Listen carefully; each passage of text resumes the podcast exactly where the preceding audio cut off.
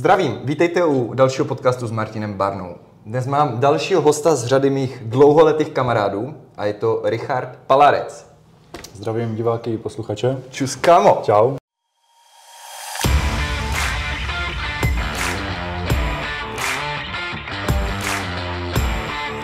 Tak vítej, tyjo. Jsi, konečně si došel taky na porážku, tyjo. no, uh, jsem celkem rád, že nevidíte záběry nepovedené, než jsme jako začali na ostro, protože tentokrát to bylo, řekněme, velmi pestré. Jo, já myslím, že pokryjí celou tu škálu. Jako. Jo, celou škálu od jakoby, toho mentálního postižení no, no, no, na no. psychologické uh, té uh, rovině. Mm-hmm. Kamo, nějak tak o tobě. Uh, probral bych Richardův život uh, od toho, jakoby, když jsme se seznámili, řekněme, cca. Mm. A Richard má On má takovou specifickou vlastnost, nebo spíše štěstí bych řekl v životě, takový jakože sen mnoha evropských mužů, oženil se s Aziatkou, takže se dostaneme vlastně i k tomu, to je takový ten tahak na začátek. A e, potom taky má hodně procestováno, hodně zajímavého a je vlastně instruktor, jak, jak se říkáte tomu typu sebeobrany, co ty používáš? A v, jako jak tomu říkáme, řekněme v rámci toho systému, je to sebeochrana spíš, protože obrana implikuje nějaký, nějakou odezvu na nějaký útok nebo něco podobného. A ideálně by se s tomu měl snažit předejít jakoby, v podstatě. Perfect. Takže když už dojde na obranu, už je něco špatně, když, ale v součástí sebeochrany může být prevence, může být prostě zvyšování nějaké pozornosti ke svému okolí a práce na sobě, že v podstatě nejsi vůbec cílem nějakého třeba útoku a podobně. Takže je to jakoby širší pojem v podstatě. Tyjo, s tím jsem chtěl pokračovat později, ale začneme tím, protože to mě dost zaujalo. Jo. Ty jsi mi o tom pár věcí říkal, ale to si fakt popsal strašně dobře. Vlastně tím pádem to, jestli tě, řekněme, potenciálně někdo někde napadne, dost souvisí vlastně i s tím, jak se jevíš, že? Mhm. Třeba držení těla, nebo můžeš říct jako víc, co třeba bys doporučil, já nevím, nějakému lajkovi, co se dívá, chce být menší kořistí, nebo, jo, tak nebo to méně si, kořistí. To si vlastně už nakousnul s tím třeba držením těla, že na to byly dělány nějaké studie, že vlastně a, násilníci nebo nějací kriminál, jako kriminálníci nebo řekněme predátoři, kteří si vyhledávají jednoduché obětě svých činů, ať už třeba pro nějaký zisk materiální nebo třeba jenom pro potěšení, to už záleží na motivaci každého toho člověka, tak, tak často si vybírají prostě podle toho, že na první pohled vidí, že ten člověk není třeba fyzicky zdatný, jo? nebo, nebo třeba je v depresi nebo něco podobného. To jsou všechno viditelné znaky. A takový člověk potom může si tu svoji kořist, řekněme, vyhlídnout, pronásledovat, sledovat, jo, vidí jako třeba, kde bydlí, nebo pokud bude sledovat déle třeba, tak bude vidět, v jakých jakoby, místech se nachází v průběhu dne a podobně. Jo. Takže když třeba, dejme tomu, budeš vystupovat jako sebevědomý, silný člověk, který prostě vnímá své okolí, a není třeba, neváha třeba vystupovat asertivně na, na veřejnosti, tak potom ta šance toho nějakého napadení třeba je mnohemkrát větší. Jako. Super. A jako mi je to celkem zřejmé, protože už máme nějaké zazemí se sebeobrany hmm. ještě vlastně s Karlem Doležalem, ale hmm. pro lajka třeba, okay, co, co má nějakých pár bodů, co bys doporučil nějakému 20 letému klukovi, co má problém prostě s tím letím? Tak záleží. U kluku... Uh, U kluku, no. Hmm. Kluky zaměřit. Uh, tam je jakoby problém v tom, že je velké množství, řekněme, druhů násilí. A když se třeba budeme jako konkrétně bavit o násilí, nebudeme se bavit třeba o, já nevím, uh, nějakém šikanování uh, přes internet nebo něco podobného. Jo? Ale dejme tomu u násilí, tak je to tak, že, uh, uh, že spíš muži nebo mladíci, kluci, jsou vystavení spíš jako něčemu, co mu, čemu říká Rory Miller, což je jeden jakoby z tak instruktorů, kterého sleduju, nebo jeden vlastně z expertů v té oblasti, tak, tak tomu říká monkey dance, což je v podstatě čistě jakoby jenom souboj o dominanci, jo? takový nějaký duel, řekněme. A my jsme vlastně jakoby nějak geneticky nebo instinktivně předučeni k tomu, že vlastně se toho součas, jakoby zúčastňujeme, přestože bychom nemuseli. A mhm. jde čistě jakoby o souboj ega. Jo? Takže ty si třeba, dejme tomu někde, já nevím, jdeš na stodolní prostě, do klubu nebo s přáteli nebo něco podobného, někdo do tebe žduchne prostě ramenem, ne, a ty už prostě musíš reagovat, víš jak. Uh-huh. A třeba, uh-huh. jako nemáš k tomu normálně sklony, ale třeba celá ta situace, pokud tam jsou ještě třeba nějaké holky přítomny nebo něco podobného, víš jak to už je prostě zase nějaký jiný sociální ten, nějak, nějaká jiná sociální situace, tak prostě tě to uh, jakoby vybudí k tomu nějakým způsobem reagovat, který vlastně není úplně, jako řekněme, rozumný nebo moudrý nebo, nebo, nebo praktický v ten moment, ale prostě uh, to ego nebo ten instinkt prostě toho monkey dance, řekněme, tak to už tě může vyprovokovat k tomu, že prostě začneš jakoby uh, se bránit nebo spíš provokovat nebo něco podobného, jo, takže no, no, no, jako ty žduchačky, víš, jak, a, a ruky dole a, a, startování hlavou a podobně, jsou všechno znaky toho. No a ty vlastně potom můžeš jakoby úplně to ztratit tu, tu kontrolu, řekněme, nad tím a, a prostě už jedeš podle nějakého skriptu vlastně. A ten skript říká třeba, že prostě začátku se jen požduchujete, budete si nadávat nebo něco vyhrožovat, jo? A potom to prostě přijde k nějakému haymakeru prostě, nebo háku prostě většinou, protože i trénování lidi, když jakoby do tohohle spadnou, tak často potom utočí tím tím způsobem, přestože ví, že to třeba není nejefektivnější útok nebo něco podobného. A pak prostě vidíš i třeba lidi, co se věnou bojovým uměním, že prostě tam hází jeden, jeden hák za druhým. Jo? A takže u takových, řekl, abych se k tomu nějak vrátil, co doporučit klukům, tak je uvědomit si vůbec, že něco takového existuje. Asi to je ten základ, že jakoby tyhle ty naskriptované situace jsou a uvědomit si, že vlastně, když do toho se jakoby nějakým způsobem, když do toho zabředneš, takže vlastně ti hrozí, že vlastně uh, ztratíš tu kontrolu.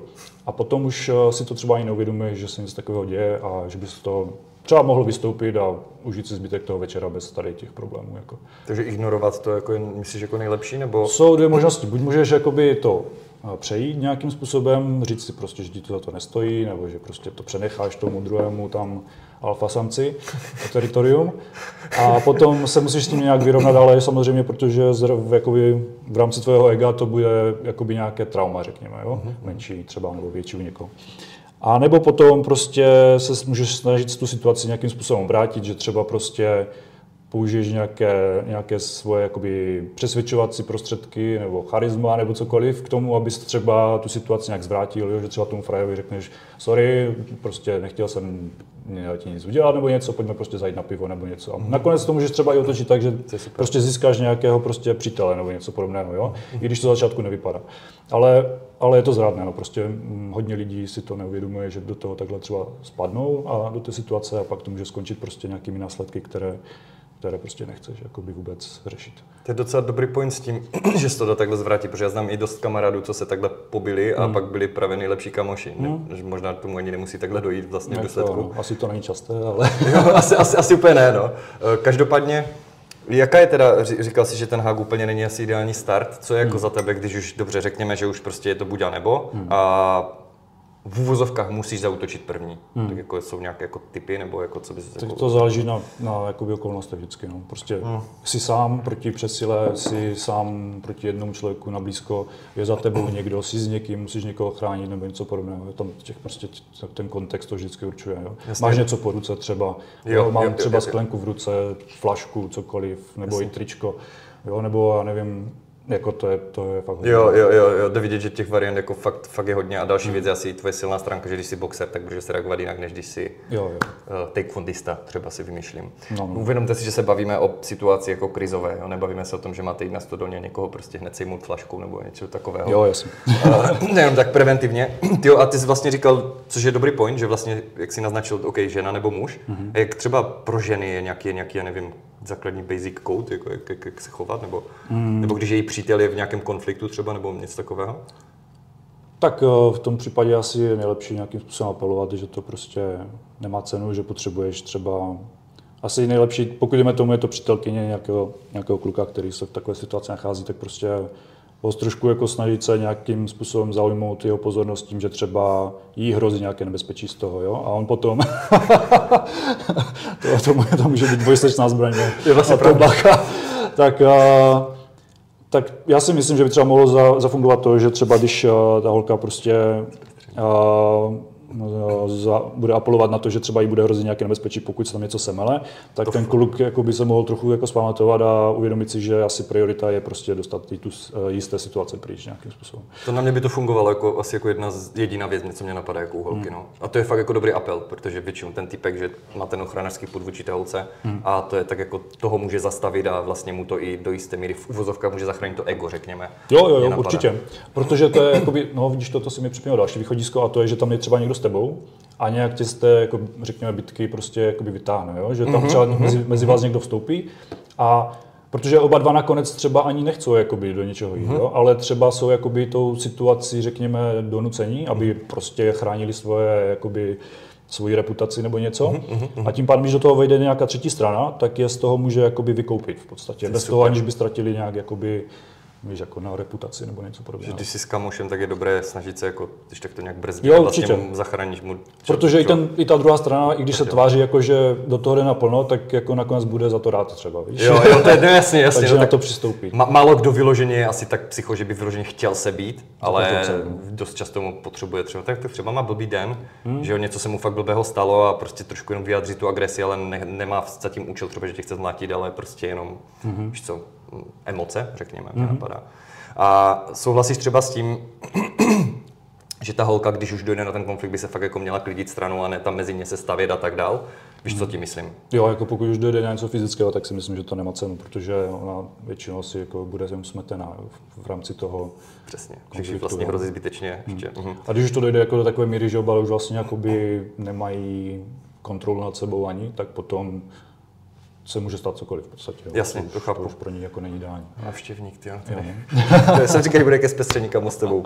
No a hlavně další věc, co mě jako tak napadá celkem i z praxe, Mhm. že dost často ta holka se snaží toho přítele nějak jako tahat zpátky Mhm. a v podstatě ho chytá za ruce a tak dále. A když ten typek po něm mezi tím dostartuje, tak mu v podstatě pomohla tomu nepřítelovi k tomu, aby dal tomu příteli KO jednodušeji a má menší schopnost se bránit. A ještě tím, že je mezi nima, tak Mhm. on nebude moct postupovat, jak by bylo třeba pro něho efektivní, protože ji nechce třeba s tím sejmout.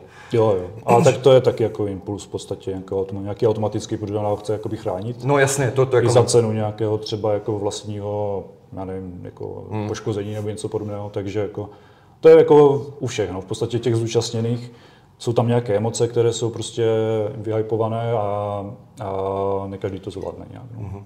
Takže vlastně držení těla, uh, ideálně jako vypadat nějak tak sebevědomě, že aspoň lehce asertivně se chovat. Když máš depku, tak se stejně zkusit narovnat, řekněme, ať nevypadáš jako. A to, oběť. ne? to platí pro tom hlavně, to je jako bychom pokryli jednu konkrétní situaci, ale kdybychom se třeba bavili o tom, že, já nevím, a, a žena o samotě prostě cestuje z práce někde No. podvečer nebo něco podobného autobusem, tak a, tam právě tyhle ty věci, které jsi zmiňoval, se hodí nejvíc, protože tam mm, tam v podstatě musíš se spolehnout na to, že sám vystupuješ nějakým způsobem tak, že ten, řekněme, predátor tě bude považovat za relativně nebezpečnou jakoby, kořist. Jo? Že Jo, Vlastně jo, jo, jo. jakoby z, z, ze světa zvířat prostě pr- každý predátor chce prostě tu kořist ulovit co nejjednodušším způsobem, bez toho aniž by sám došel k újmě, protože potom nebude schopný jakoby dál nic dělat, že? Jasně. Takže oni vlastně si vyhledávají prostě lidi, kteří jsou uh, náchylní k nějakému třeba přesvě, jakoby k pasivitě třeba, jo? že když dejme tomu, to začíná většinou tak, že třeba ten predátor si jakoby sedne k té oběti, nebo té jako potenciální oběti a začne se třeba nějakým způsobem prostě na ní jakoby tlačit, nebo, nebo prostě ji zkusí ošahávat, nebo něco podobného. Jo? A v tom případě musíš jakoby rychle zasáhnout co nejrázněji, aby si vlastně ukázal, že vlastně eh, se nebojíš jakoby vystoupit z té komfortní zóny a prostě jít do nějakého konfliktu. Protože oni jakoby sází na to, že jakoby se přitlačím trošku, nic se neděje, jo? žádná reakce, nic, nebo třeba jako jenom omylem jako na ní šáhnu nebo něco podobného, zase nic, jo? ona spíš jakoby uhne. Potom, když je třeba jakoby přímo začne ošahávat, tak ona taky třeba jakoby nic neřekne a to už je prostě pro něho jenom jakoby další jakoby, motivace, protože už vidí, že si ten člověk jakoby nedovolí jo? nic proti tomu jakoby říct. Takže mm, tam je nejdůležitější prostě co nejdřív, co nejrázněji to prostě utnout. I když jsou tam třeba lidi, prostě tam je důležité to, že si ten člověk musí jakoby dát, um, jakoby si dovolit to, že může vystoupit z té běžné sociální bubliny nějaké a prostě být rázný, být třeba mm, hlučný, Jo, snažit se získat pozornost ostatních lidí nebo něco podobného a snažit se toho člověka prostě nějakým způsobem demotivovat. No. Mm-hmm. Tak kdy jindy být drazný než tady a to je dobré, jak si řekl s tou pozorností ostatní, že vlastně, když řekněme tam ty tři kroky, co jsi popsal, že začne tlačit, pak šahat a tak mhm. dál, že on nic neudělá, mm-hmm. tak vlastně nedává signál těm v okolí, že je nějaký problém. A ten signál, no. těch signálů by mělo být ideálně víc asi, mm-hmm. ať mají větší hec, řekněme, jí pomoct, jo. než že najednou začne dělat, jako, protože to pak vypadá něco, jako že je to jí přítel, že je naštvaná třeba versus, mm-hmm. že jí fakt někdo Přesně atakuje. Tak. Plus eh, souhlasí s tím, že to jsem vždycky říkal kamarádkám, když jsme řešili, že když už mají takový problém a chcou někoho osobě do pomoc, tak ne žádné pomoc, ale konkrétního typka si vybrat a přímo na něho apelovat, mm. protože pak už to není objektivní, mm. ale už to týká jeho, mu to ego většinou nedovolí, ne? Jo, určitě, to je, jako, je, to, je to efektivnější. No. Mm-hmm. Mm-hmm. Ty, jo, ty vlastně teda děláš, dá se říct, instruktora sebeobrany? Nebo toho nějakého systému? No, řekněme, no. Já vlastně teďka ještě momentálně uh, jsem vlastně pod Lukem Hollowayem, což je jakoby můj instruktor, řekněme. On má vlastně svůj systém, který se jmenuje Raw Combat International a v rámci něho má vlastně instruktorský program, které, ve kterém já jsem jakoby členem, řekněme. Jo, jo, jo.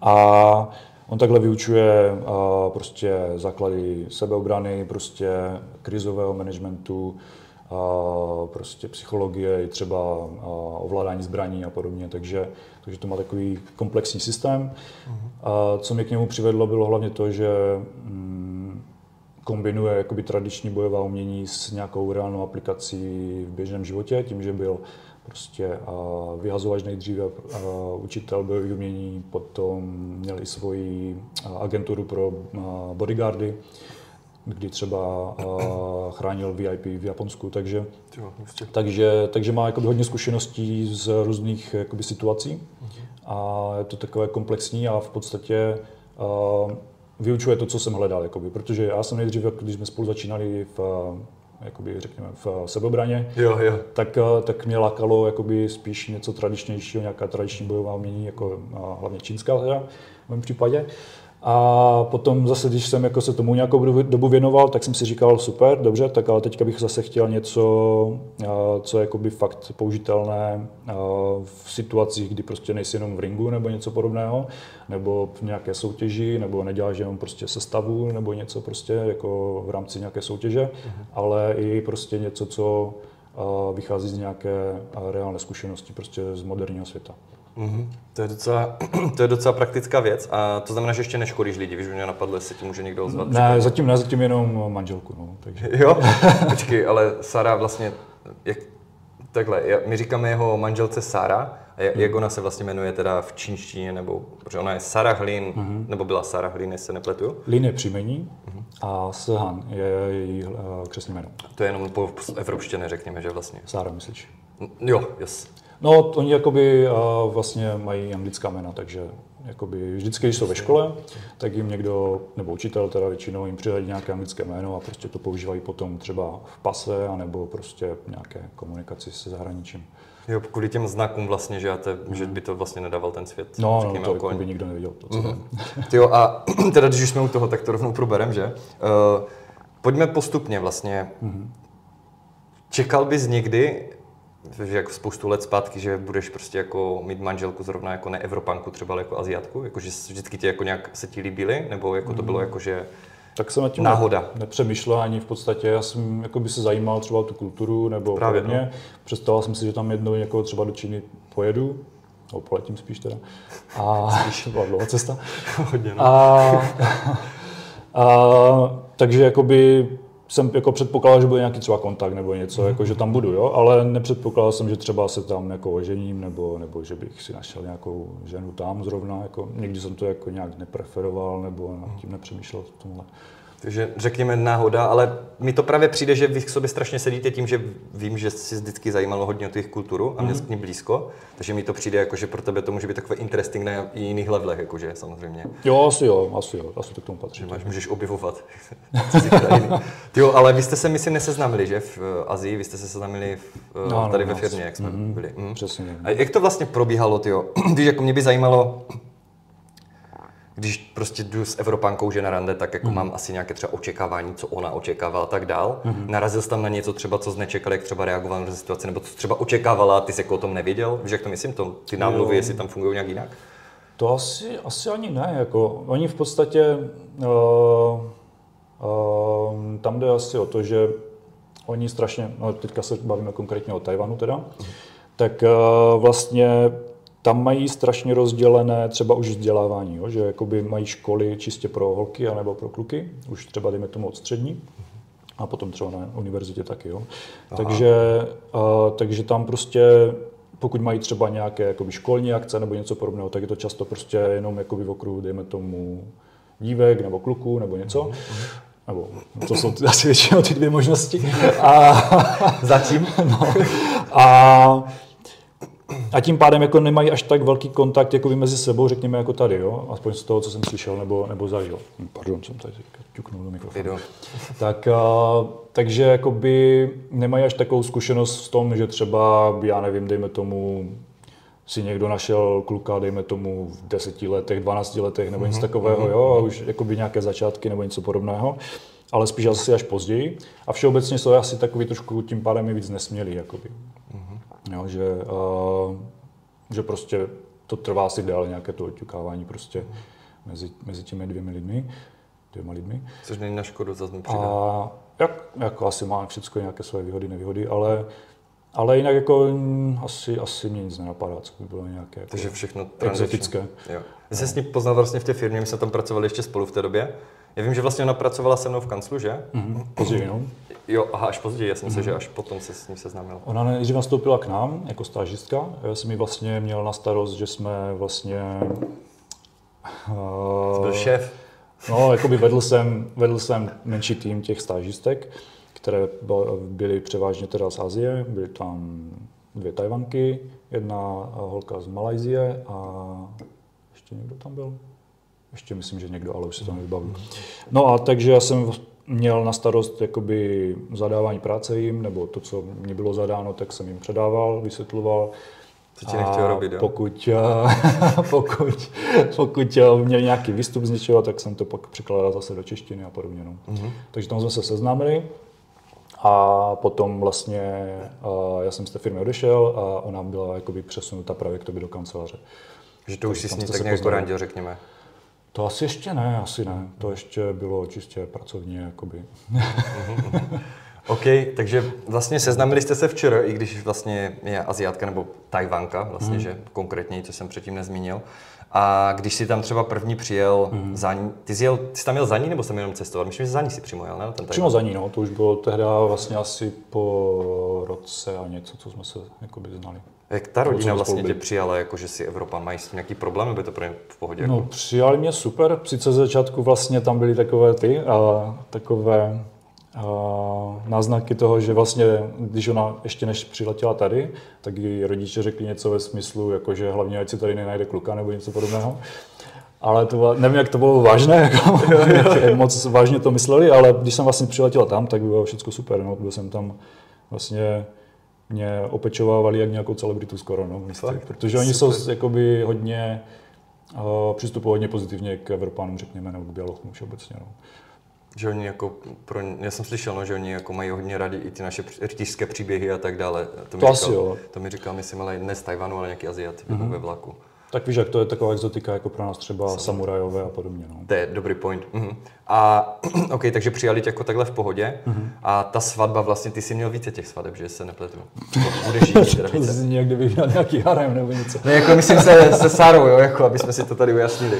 No ne, v podstatě tam šlo o to, že v začátku jsme se vzali uh, oficiálně, protože tam vlastně to je, uh, roz, no, není to spojené jako u nás. Jo. Když u nás máš svatbu, tak tam máš tu, řekněme, legální složku, kdy tě musí někdo oddat, buď to nějaký, já nevím, starosta nebo, nebo kněz nebo někdo, kdo je pověřený, ale a, a potom máš jakoby zbytek té oslavy a podobně. Že?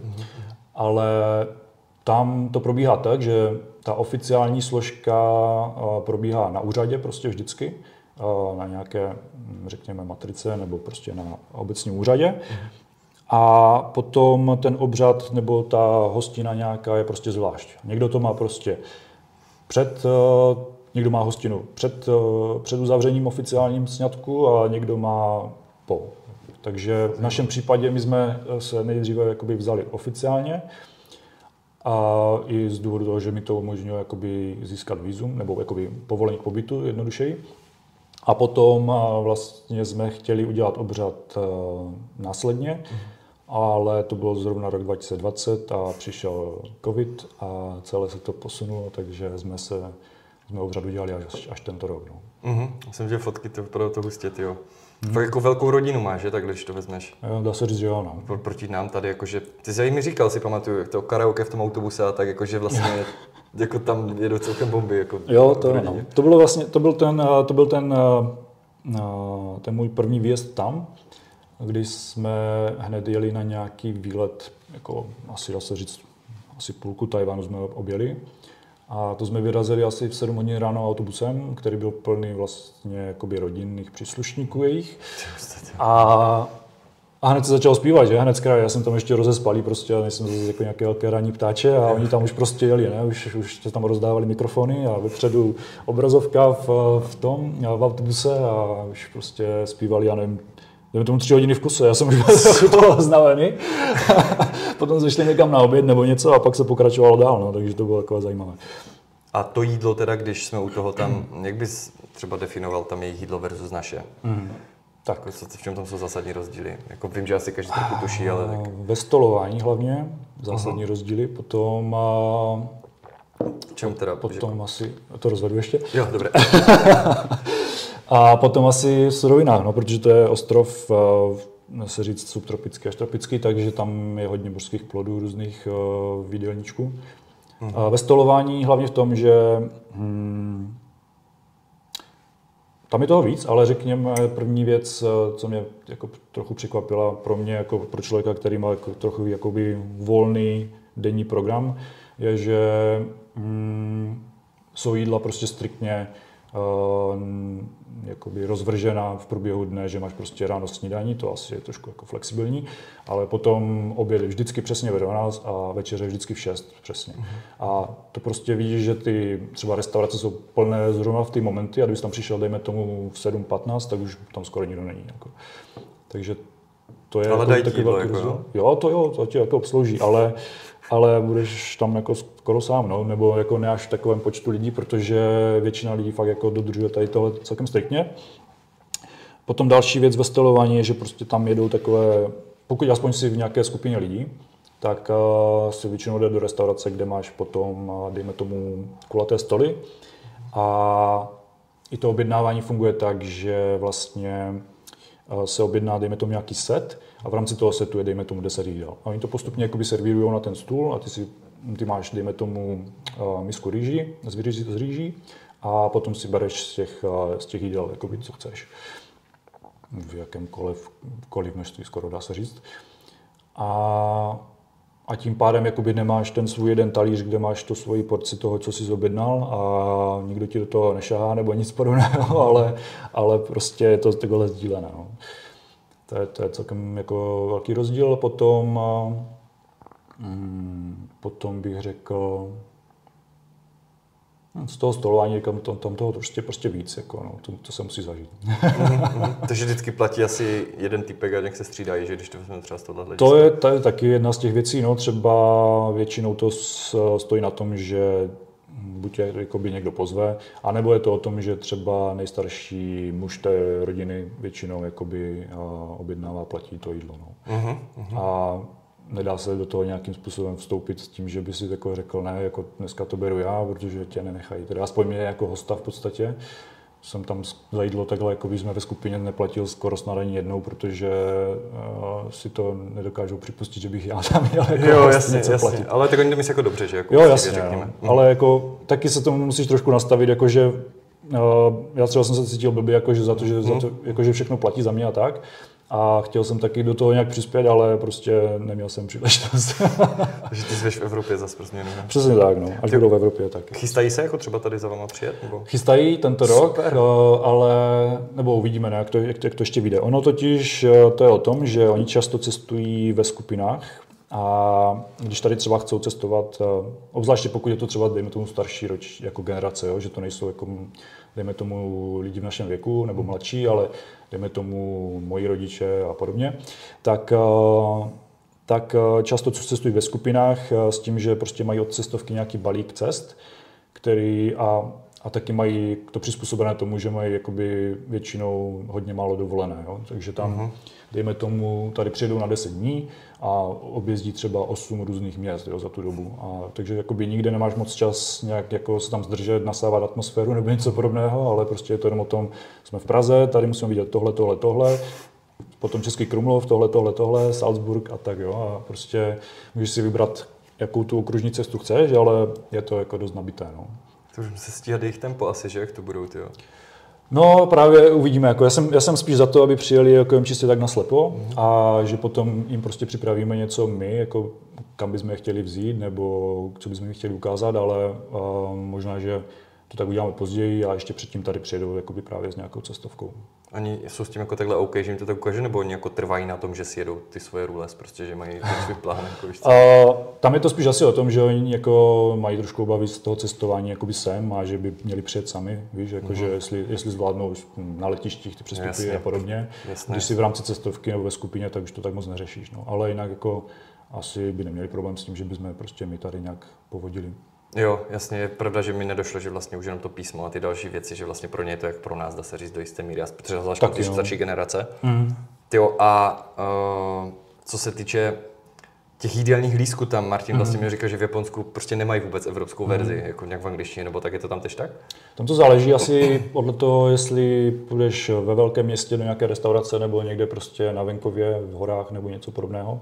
Ale i tam si myslím, že celkem často ti nabídnou anglický uh, jídelní lístek, když si třeba o něho řekneš, anebo pokud, nebo ti ho často prostě nabídnou automaticky. Vidíš, že tam si prostě jako cizinec, tak, uh, tak se zeptají, jestli, nebo ti rovnou jako uh, předloží anglický jídelní lístek, ale Jinak je to tam specifické v tom, že pokud je to třeba nějaká menší restaurace nebo ne takového mezinárodního charakteru, tak často máš prostě menu, mm-hmm a je tam eh, někdy jako z obrázky, takže máš jako představu, o co asi jde, ale je to jako celé většinou čínsky a máš tam políčka a ty si musíš do, toho, do těch políček jakoby zaškrtnout, co chceš a potom jim to odevzdáš a oni ti podle toho jakoby připraví to jídlo.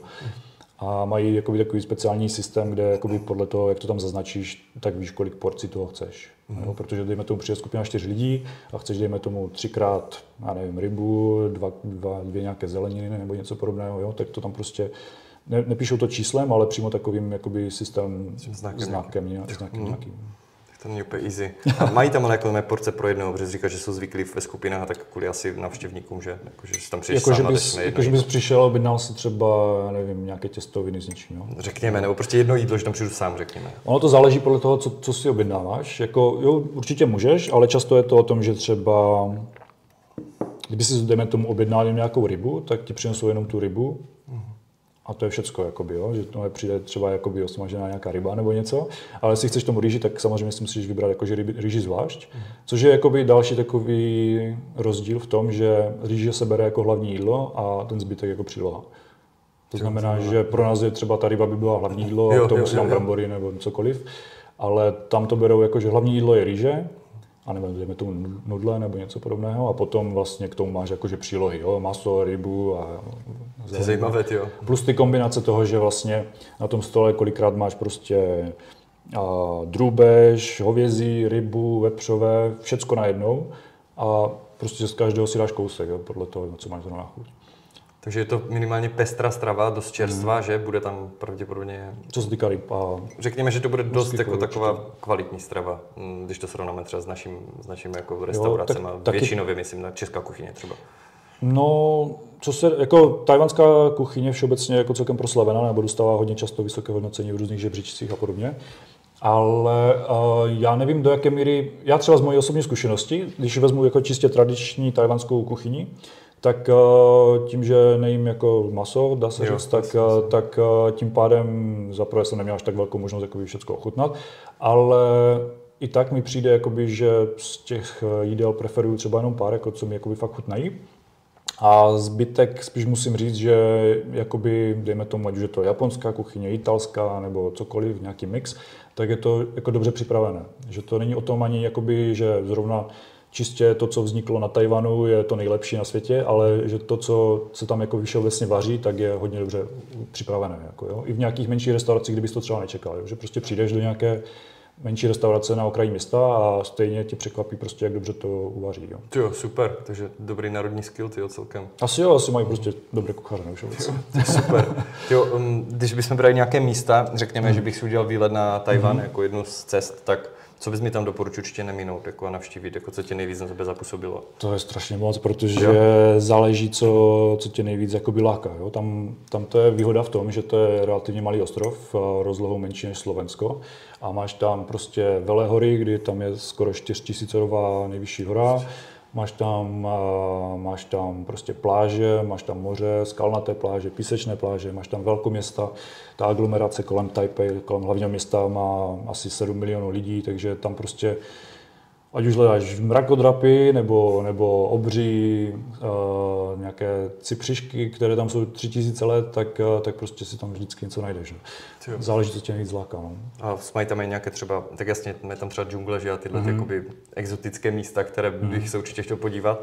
Mají tam i nějaké třeba takové, jak na Bali, nějaké ty opuštěné chrámy nebo, nebo opuštěné, jako do jisté míry. Opuštěné ani, ani, ani tak moc ne, protože uh, na Tajvanu se hodně zachovala taková ta Eh, lidová, řekněme, náboženství. Nebo ono, to je, jako by dá se říct, jedno lidové náboženství, mm-hmm. jo, mhm. protože všeobecně v čínské kultuře se hodně mísí vliv buddhismu, taoismu a konfucianismu. A, a celkově to se jakoby tak nějak slilo do jednoho, řekněme, lidového náboženství, kde mají nějaké božstva taky pro různé odvětví, dejme tomu. A většinou to vychází z nějakých historických uh, osob. Jo? Třeba Kuani byl uh, významný generál dejme tomu před dvěma tisíci lety a vlastně ho povýšili do stavu božstva skoro, takže ho můžeš vidět, že jsou mu zasvěcené chrámy a podobně. A, a tohle to se hodně jakoby zachovalo, aspoň co jsem tak slyšel v porovnání s Čínou, kde prostě ten komunismus to tak jako nějak jako zametal tak eh, na Tajvanu se to hodně zachovalo a lidi jsou tam hodně, jakoby chodí do, hodně do, do klášterů, neřekl bych, že jsou nějak jako radikálně náboženští nebo něco podobného, že prostě budou striktně lpět na nějakém prostě dogmatu, ale spíš je to o tom, že prostě tam si rádi zajdou, když potřebují, řekněme, nějakou těchu nebo něco podobného, nebo prostě se jenom tak jako pomodlit k něčemu ve prospěch nějakého záměru, tak, eh, tak, eh, tak jako jsou často navštěvované a taky docela hojně sponzorované, bych řekl. No. Takže možná, že nějaký opuštěný se najde někde v horách, jo, ale, jo, jo. ale často prostě jsou v, v solidním stavu mm. a jako hodně přístupné lidem třeba některé uh, spolky nebo chrámy třeba poskytují ubytování za hodně solidní ceny pro lidi, kdy třeba jsem slyšel, myslím, o nějakém případu, kdy tam přijdeš, prostě přespíš a zaplatíš kolik uznáš za vhodné. Jo, jo? Tak to je. A nebo prostě jsou i chrámy, kde třeba o, prostě lidem v potřeb, jako v nouzi třeba daj, darují peníze jako bez, bez nějakého jako třeba jako nutnosti vrácení nebo něco podobného. Nebo na, v každém chrámu snad uh, najdeš prostě záchod, kde si můžeš jako zajít bez nějakého placení nebo něco podobného. Jo? Nebo, nebo třeba přijdeš do chrámu a tam ti nějaký prostě pán, co to jako hlídá nebo tam nějak jako slouží, tak, uh, tak ti nabídne hned, že prostě tam má zázvorový čaj, jestli chceš nebo něco. To je super. To je dobrá mentalita. Takže je to takové hodně otevřené. No. Ne, jak tady prostě, aspoň co se tak všímám v poslední době, tak třeba kostely jsou hodně zavírané, že prostě, nevím, jestli to je z obavy, že tam prostě chodí zloději a tak, ale, ale tam prostě máš chrámy otevřené třeba do noci a, a najdeš tam vždycky někoho, kdo ti třeba pomůže, když budeš potřebovat nejvíc. To je super. To je jak v kung fu filmu, jo. Skoro, no. jo. A když jsme u té kriminality nebo krádeží, mm-hmm. jako mají to tam jako hodně postihované, třeba krádež, mají tam kriminalitu nějakou větší? Nebo... Uh, dá se říct, že asi jak u nás. Jo. jo. Všeobecně to je jako jedna z těch bezpečnějších zemí, stejně jako třeba Česká republika. Um, co se týká, dejme tomu, držení zbraní nebo něco podobného, tak je to asi více striktní než tady. Já třeba jsem tam měl uh, zájem uh, zajít se podívat za jedním kovářem, co, co tam dělal, co ková meče, nebo teďka i různé nástroje a, a nože a podobně. A zároveň tam úplně, no teď už asi nevím, jestli ještě otevřené, ale měl tam muzeum, kde měl prostě vystavené různé zbraně a brnění prostě napříč celou historii Číny. Což bylo super pro mě, tomu to jsem si to užil. A tak, eh, tak eh, jsem tam prostě za ním zajel, protože jsem o něm slyšel z nějakého YouTube videa, že prostě hledá učedníka, že už je starý celkem, má nějakou speciální techniku, je to mimochodem ten kovář, co koval eh, Zelený smutek, se myslím jmenoval ten meč z Tigra jo, Draka. Jo, ty fakt jo. Aha, to je, protože nějaký jakože se zná s tím, s Englím, s, s režisérem. Takže, a myslím, že ho tam měli vystavený v tom muzeu právě, no. A tak jsem se za nimi chtěl podívat, jenom tak jako ze zajímavosti jsem se díval, jestli tam má něco na prodej a tak, protože jsem se v té době zajímal trošku o koupi nějakého meče. Ale bohužel všechny byly nenaostřené. Jakoby, že jsou to jenom prostě repliky, které nejsou eh, třeba přizpůsobené k tomu, aby si s ním trénoval sekání, jo? nebo něco mm-hmm. bambusu, nebo, mm-hmm. nebo cokoliv, jo? nějakých narolovaných uh, matrací nebo tak. Tak uh, tak to mi trochu překvapilo, že to je vlastně tak striktní, že od určité jakoby, velikosti už nemůžeš mít prostě ostrou zbraň. Jo, že ani žádný větší. Kvůli zákonu teda? Jo, no. jo, aha, já jsem si, že on to schválně dělal, že ne, ne, to je čistě jakoby přímo uvedené jakoby nějak v, regul, v regulích státních, takže, takže můžeš si prostě koupit nějaký menší nůž nebo něco podobného, ale jak už je to třeba jen na 30 cm nebo kolik, to už to je prostě jenom tupé. Kolik tam třeba nějaký nejlevnější meč? Protože jako to, ty jsi je tak slavný ten kovář, tak to, proč to asi nebyl? To už si nepamatuju, ale ty ceny byly docela vysoké. No. Jo, jo. Uh-huh. A tak já nevím, třeba nějak rámcově, jako na naše? Tak řekněme, že mm, od desítek tisíc výš. Uh-huh. Jasně. Uh-huh. A vzal jsi nakonec něco, nebo? Protože jsi nechtěl asi neostřený, že? No právě, no, to mi trochu odradilo, i když jako musel bych taky asi něho chvíli šetřit, ale... No jasně, ale, jasně. No, ale, ale byla to jedna z věcí, co mě trochu odradila, no, protože právě jakoby vím o dalších výrobcích, kteří jsou třeba dost kvalitní, a třeba v Číně, a tam ti prodají třeba i jakože na vývoz, že třeba si ho můžu objednat odsud, jo, a přivezou ti ho přímo naostřený a je prostě v top kvalitě a je autentický, že se s ním dá prostě sekat bambus a podobně, kdybych chtěl. Jasně, no. jasně. Tak když už je, tak chceš asi jako No právě. ne, já to chápu, jako pořád co máme to děcko, že asi, takže to tak vezmu jednoduše, asi, asi úplně tak. ti rozumím, ty. Uh, a je nějaký, to, kdybych třeba jel já na ten Tajvan, tak něco jako, že bys mi řekl, dobré, tohle, mm-hmm. dej si pozor na tohle, to tam nedělej, to tam dělej, mm-hmm. jo, a jakoby, si tam nějak jako propluješ, řekněme, dobře. Nezapichuj uh, hulky do, do rýže. Jo, fakt jo, to se nesmí. ne, to je, to je uh, takové jakože tabu v tom, že když máš misku ryže a zapíchnul bys takhle ty hulky do ní, tak eh, to napodobuje eh, obět, obětovanou rýži pro zemřelé, řekněme. Jo? Tak tím by si jakoby, řekněme, přiváděl buď to na sebe nebo na svoje okolí nějaké špatné vlivy. A to je vlastně asi tak jakoby jeden, ehm, jedna z ukázek toho, jak eh, ta symbolika jakoby tam funguje všeobecně. Tam je to hodně i o tom, jak je jakoby jazyk podobný nebo dejme tomu je nějaký termín, dejme tomu nevím, na, na číslo čtyři. Jo? Číslo čtyři má stejnou nebo skoro stejnou výslovnost jako smrt, tím pádem skoro nikde v hotelích nenajdeš, nenajdeš čtvrté patro, anebo pokoj číslo čtyři nebo něco podobného, protože to symbolizuje prostě smrt mm, a to nechceš. Jasně. Tím pádem hodně takhle navázaných věcí na ten jazyk je, které, které se jakoby spojují s jinýma úplně nespojenýma věcma a tím pádem to může být třeba pro nás trochu jako jako divné. Ale kdyby se znal ten jazyk a to pozadí toho, tak jako to nepřijde až tak divné, je to prostě jen trošku jako pověrčivé. No. Ty vlastně, tak oni to asi nebudou vědět, že? Ale ty vlastně umíš relativně čínsky, ne? Nebo jako, že se učil tak se učím se, učím se ještě, no. Ty za jak dlouho se dá nějak naučit aspoň nějaká částečně praktická verze, kdy jsi fakt schopný si třeba v Číně orientovat? Mm, to je, že si přečti třeba noviny, ale... Jako, to je těžko říct. Jako všeobecně se říká, že když se naučíš asi tisíc znaků, takže, se, takže jsi schopný si přečíst nějaký článek třeba a měl bys povědomí o tom, o, o čem to je. Já, já ještě nejsem úplně na takové úrovni, abych jako plynule komunikoval nebo si četl články třeba, protože jsem docela marný uh, student čínštiny.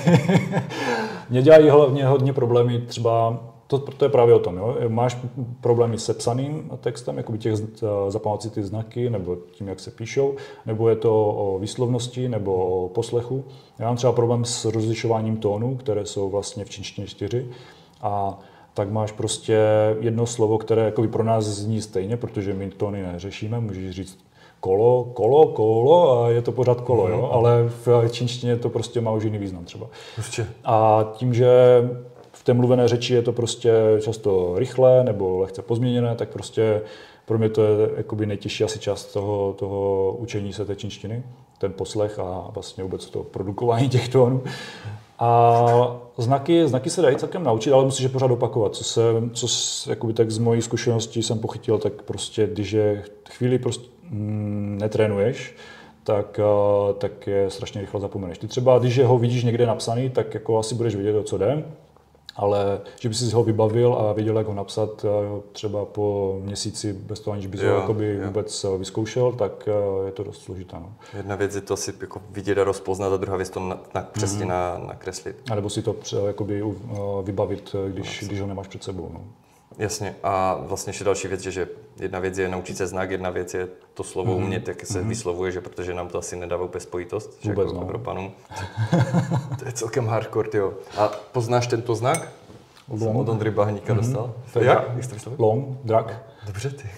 Sledujete, to je profík. A to nebylo připravené.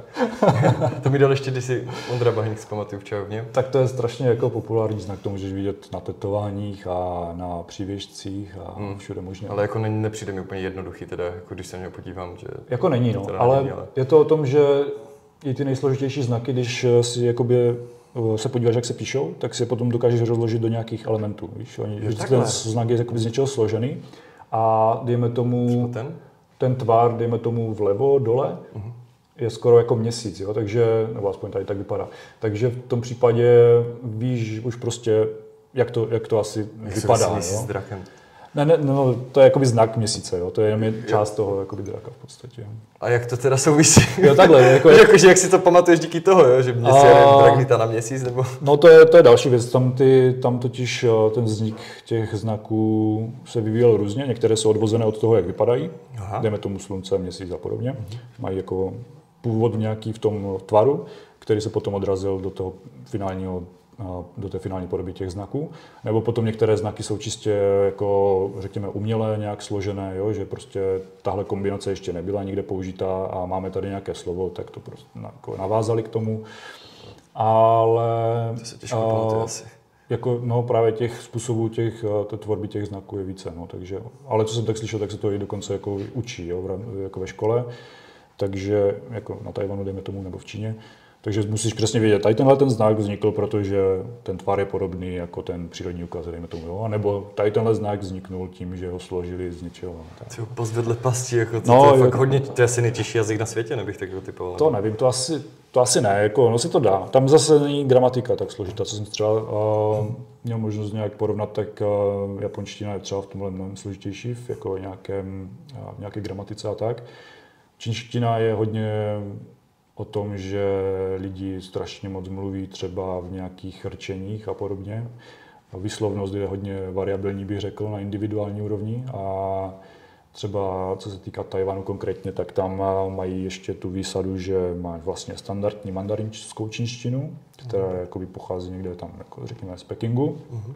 Nějak ustanovili. A potom tím, že je Čína obrovská, tak prostě má hodně dialektů, které jsou dost rozličné a třeba se používají jiné termíny pro věci. A, a takže na Tajvanu vlastně potom máš ještě a, tajvanštinu, řekněme, nebo Hokkien, jako jeden dialekt, který zní podobně, ale je dost odlišný. A když prostě neznáš ty termíny nebo, nebo tu výslovnost toho, tak to bude úplně jiné, jako nepoznáš to, jako kdyby si se třeba učil čínštinu v Pekingu mm-hmm. jenom. A potom tam máš ještě domorodce, kteří taky mají asi nějaké svoje jazyky a ještě tam je haka do toho etnikum a já nevím, co ještě všechno. Takže je to strašně pomíchané a, a lidi ještě rádi to rádi kombinují, pokud jsou třeba starší generace, že mluví, jsou zvyklí mluvit tajvansky, jako řekněme, kdyby to byla tady ostravština nebo něco podobného a do toho čínsky, jako standardní mandarinskou čínštinu, takže ty jako totální začátečník teďka se v tom úplně motáš, co to bylo, jestli to byla tajvanština nebo to byla čínština, prostě. teda jako mandarinština. Jo, tak, jo, jo, jo. Takže to je zajímavé no, občas.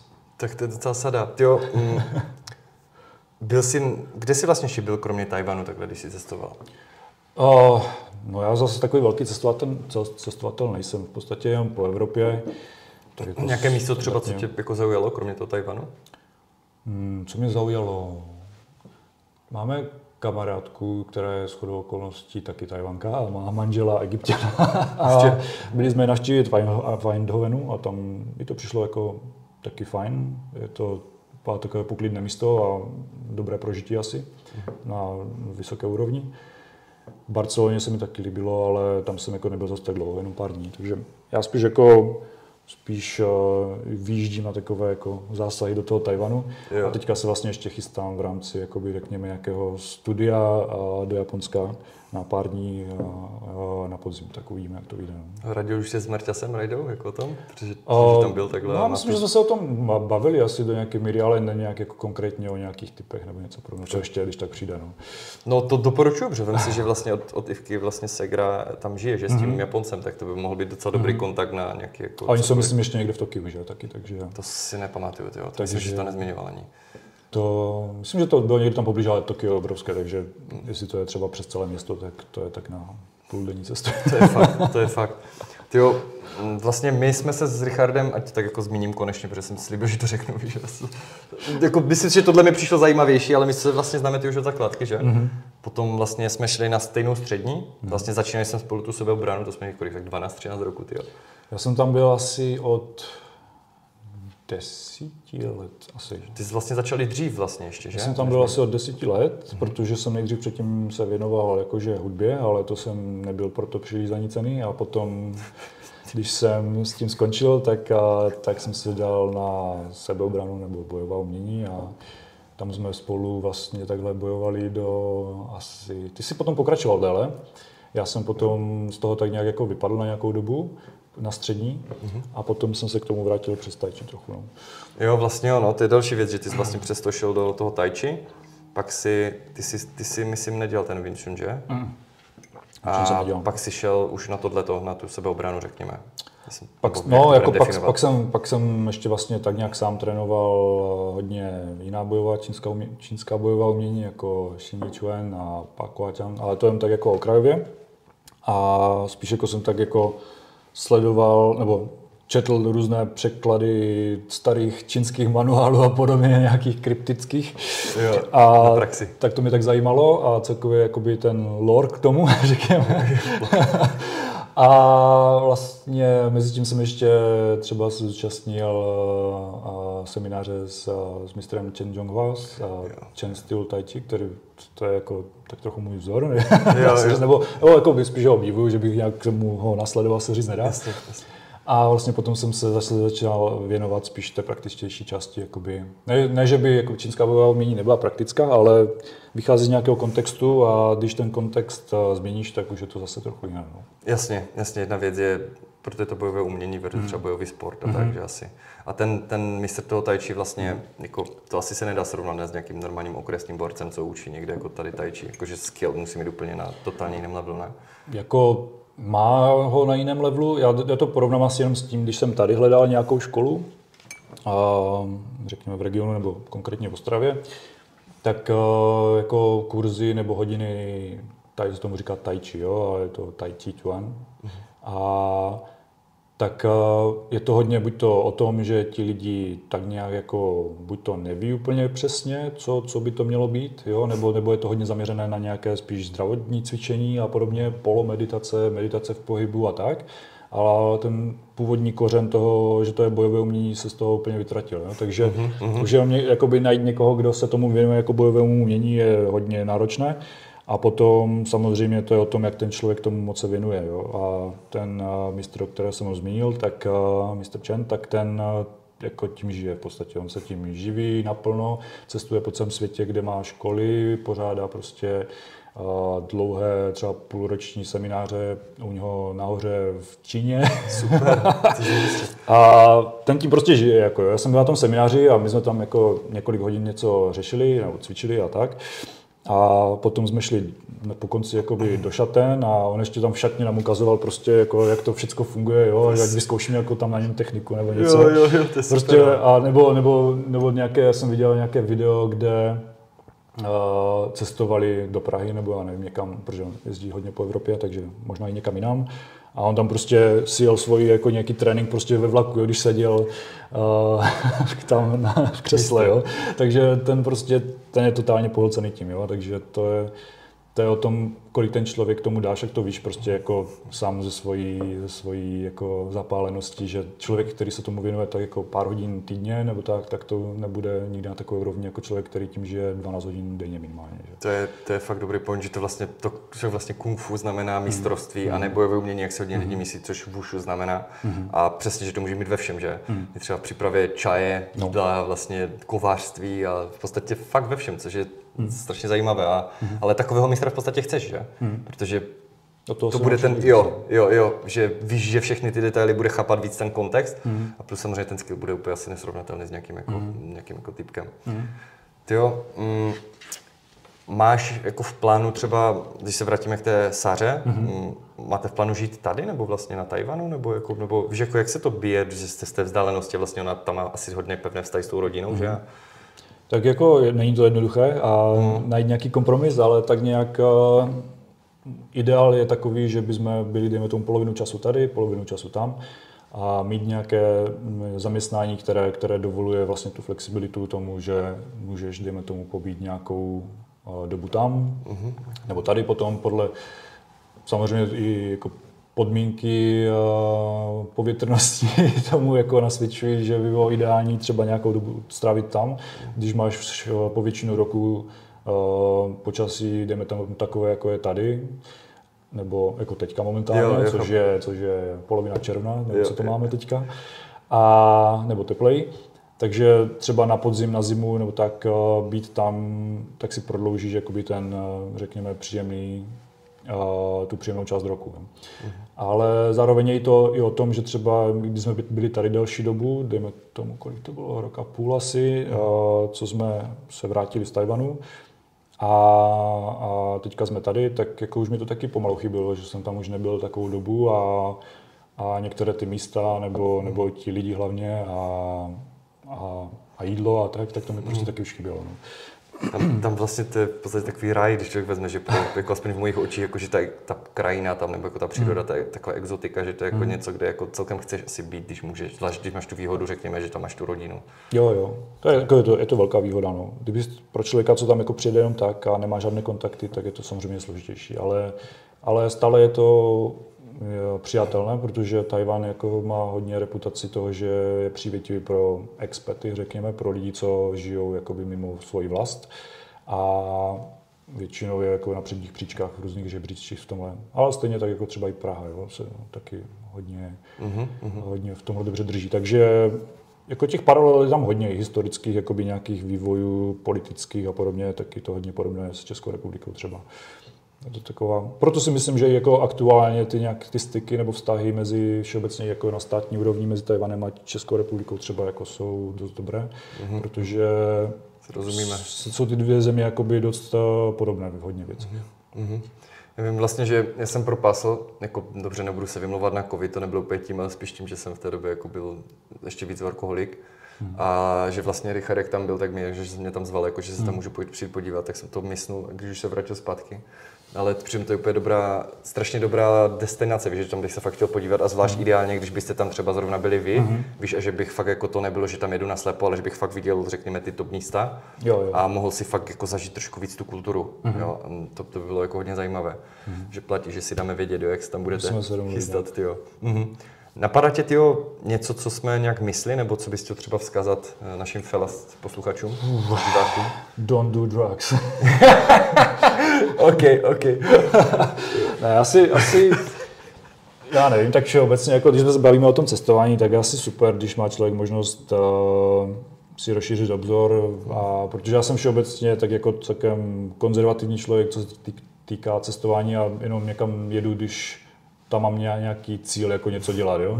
tak ne, většinou net, netrajdám po světě, ale, ale je to hodně přínosné v tom, že prostě člověk eh, najednou vidí, že ten svět funguje, nebo jak funguje ten život v jiných částech světa, jak, jak tam ti lidé žijou, jak, jakou mají mentalitu, že mhm. třeba dělají věci jinak, ale stejně to funguje, jo, nebo to jo, funguje jo. i lépe, jo? takže těch věcí, kterými se můžeme naučit od eh, zbytku světa a zbytek světa od nás je hodně. No.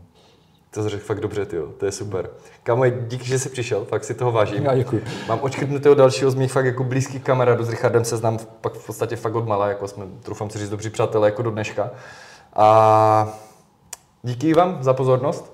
Dejte vědět zase, jestli se vám video líbilo, nebo jestli máte třeba nějaké otázky na Richarda, kdybyste se tam chystali zrovna na Tajvan, že? Nebo něco kolem Jo, té určitě. sebeobrany, hlavně ta, on je hodně dobrý hlavně na tu psychologii té sebeobrany, že to mi dobře vysvětlit, tak případně na něho hodím kontakt. Díky moc. Tak jo, díky kámo. Díky za tak jo, pozvání. mějte se a be effective.